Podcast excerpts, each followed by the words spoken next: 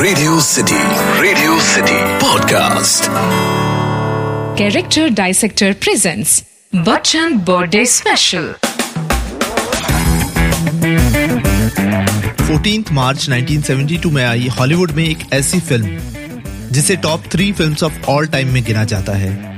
मैं बात कर रहा हूँ फ्रांसिस फोर्ड कपोला द्वारा डायरेक्टेड और कपोला के साथ को राइटर मारियो पूजो की classic film the Godfather की।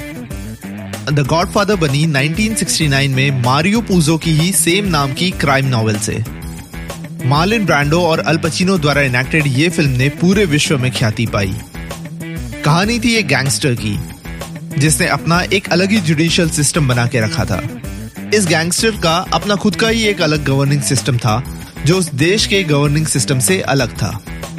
फ्रांसिस फोर्ड कपोला की ये फ़िल्म द गॉड फादर को एक डायलॉग में अगर कहा जाए तो वो डायलॉग होगा। मुझे जो सही लगता है मैं वो करता हूँ।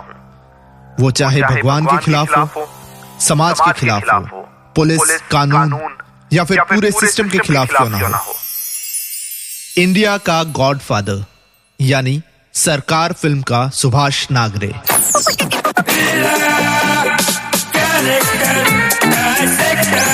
Character Dissector with Atik. 1972 के गॉडफादर के बाद ना सिर्फ़ गॉडफादर फ़िल्म के आगे की सीरीज़ आई, कई सारी हिंदी फ़िल्में भी इसी कंसेप्ट पे आई। धर्मात्मा, जुल्म की हुकूमत, आतंकी आतंक, सपूत ऑल टूक इंस्पिरेशन फ्रॉम द गॉडफादर पर आज भी, जिस हिंदी फ़िल्म ने फ्रांसिस फोर्ड कपोला की फ़िल्म गॉडफादर की वाइब को सही में रिप्रेजेंट किया हो, वो है 2005 में आई राम गोपाल वर्मा की सरकार। गॉडफादर का ओपनिंग सीन है, जहाँ एक बेबस लाचार सा आदमी बता रहा है अपनी दर्द भरी कहानी, कि किस तरह से कुछ पावरफुल लोगों ने उसकी प्यारी सी बेटी की इज़्ज़त से खिलवाड़ किया, और किस तरह से पुलिस या कोर्ट उसकी कोई भी मदद करने में नाकामयाब रही। और एग्जैक्टली exactly यही है सरकार फ़िल्म का भी ओपनिंग सीन जहाँ अपनी बेटी की मौत को न्याय दिलाने के लिए एक बेबस पिता आता है सुभाष नागरे के पास।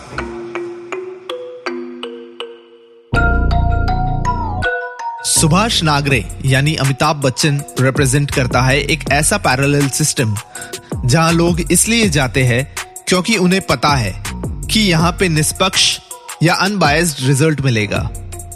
दो the character of Subhash Nagre is रफली based on a political personality Subhash Nagre की अपनी खुद की एक विचारधारा, एक स्कूल ऑफ़ थॉट थी।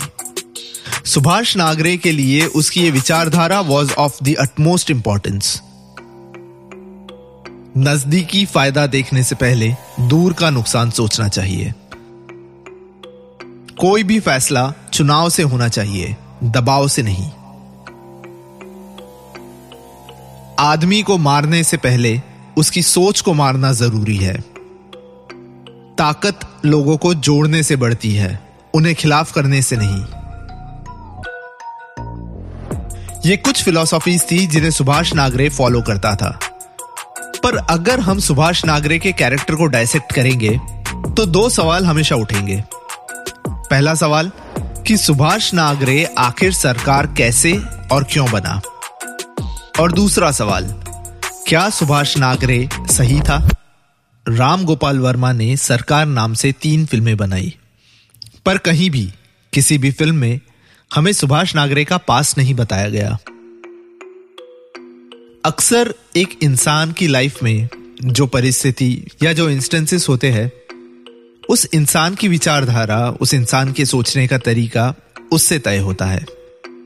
सुभाष नागरे मेरे हिसाब से अमिताभ बच्चन का एंग्री यंग मैन का एक अवतार था। ये एंग्री यंग मैन धीरे धीरे क्वाइट ओल्ड मैन बन गया, पर उसके उसूल उसके साथ ही चले। और उम्र के साथ साथ नए उसूल जुड़ते गए। जहाँ एक टाइम पे सिस्टम से परेशान गवर्नेंस से परेशान और समाज से परेशान परिस्थितियों ने एंग्री यंग मैन को जन्म दिया था। वहीं दूसरी ओर समय के साथ ये एंग्री मैन शांत होता गया और एक पैरेलल सिस्टम बनता गया।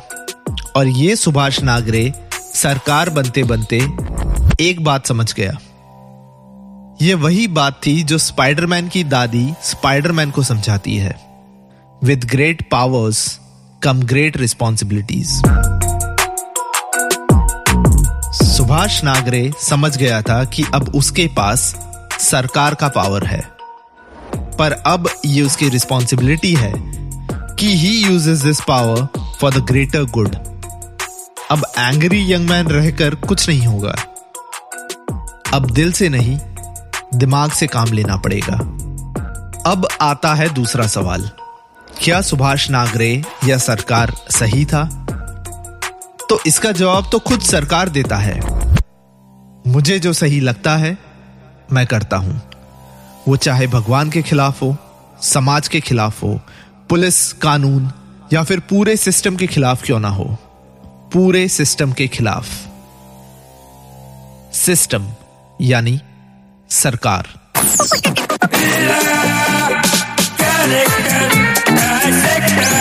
Character Dissector with Atik. Radio City. Radio City. Podcast.